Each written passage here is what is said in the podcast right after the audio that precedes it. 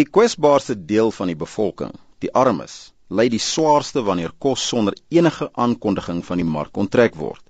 Dit is die mening van die hoof van die Kosveiligheidsinisiatief van die Verbruikersraad, Ronel Burger. En ons praat nou hieroor met Ronel. Goeiemôre. Môre Elwes. Uh, Ronel, wanneer en hoe word kos onttrek?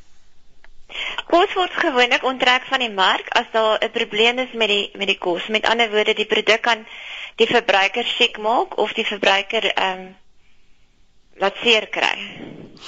OK, maar wat sê die wet? Moet 'n voedselonttrekking dan aangekondig word? Ons het nie regulasies aangaande ehm um, voedselonttrekking nie. Departement van Gesondheid en die Departement van Trade en Industrie het wel ehm um, onttrekkingsriglyne. Mhm. Maar daar en hulle vra dat mense hulle in kennis stel, maar daar's nie 'n regulasie wat elke ehm um, verskaffer wettiglik verplig om die, om die kos te onttrek nie. So dit is as die kos beskadig is, moet hy onttrek word. As die kos beskadig is, moet hy onttrek word as daar enige risiko vir die verbruiker is. Met ander woorde, die verbruiker kan siek word of seer kry daardeur. Dit kan op een of ander manier die verbruiker se gesondheid beïnvloed. Dan moet die kos onttrek word uit die mark uit. En hoe word mense nou nadelig beïnvloed deur dit? Mense word nadelig beïnvloed deur dit deurdat hulle nie weet wat aangaan nie. Hulle word nie in kennis gestel nie. As 'n firma 'n produk onttrek en hulle maak dit publiek en hulle gee die ware feite, dan weet almal presies wat aangaan en hulle weet om die produk jy weet hulle hulle is in kennis gestel en die verbruiker het die reg om te weet. Dit is tog wat die nuwe verbruikerswet sê ook die verbruiker het die reg om te weet. En as die verbruiker nie weet nie, kan daar dalk nog van die kos beskikbaar wees op die rakke en dit kan gekoop word sonder die wete dat daar dalk 'n risiko is vir die verbruiker. Is daar 'n afslag vir hierdie soort kos of en en, en verkoop handelaars dit? Ek kan nie vir jou, ek kan nie vir jou sê nie, daar daar is 'n 'n Ek uh, kan amper sê siekte in ons land laat laat party van hierdie kosse gaan dan na die informele mark toe waar dit dan teen 'n goedkoper prys verkoop word. En kan mense siek word van die soort kos? Dit hang af wat die probleem met die produk is. Ja, as dit 'n microbiologiese probleem is, ehm um, en die kos is het afgegaan en dit is 'n patogeen wat in die kos is, dan kan dit die die uh, mense siek maak, ja. Nou wat verwag julle nou van die handelaars en natu natuurlik die winkeliers?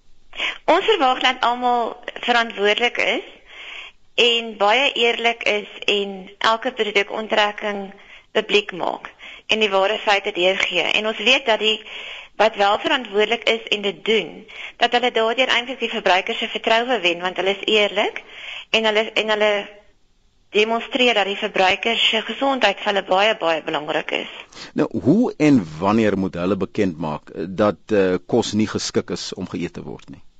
Sodra hulle agterkom daar is 'n probleem en hulle het die wetenskaplike feite, met ander woorde hulle die regte toetse gedoen, dan word daar dan word daar aksie geneem. En dan word daar gekyk waarna toe is hierdie kos gegaan want daar is nou speurbaarheid op die kos. En dan word almal in kennis gestel en as die verbruiker in kennis moet gestel word dat dit alreeds op die op die handelaar se rak is, dan word dit publiek gemaak deur deur die media. En en wat van liefdadigheidsorganisasies wat natuurlik vry kos kry?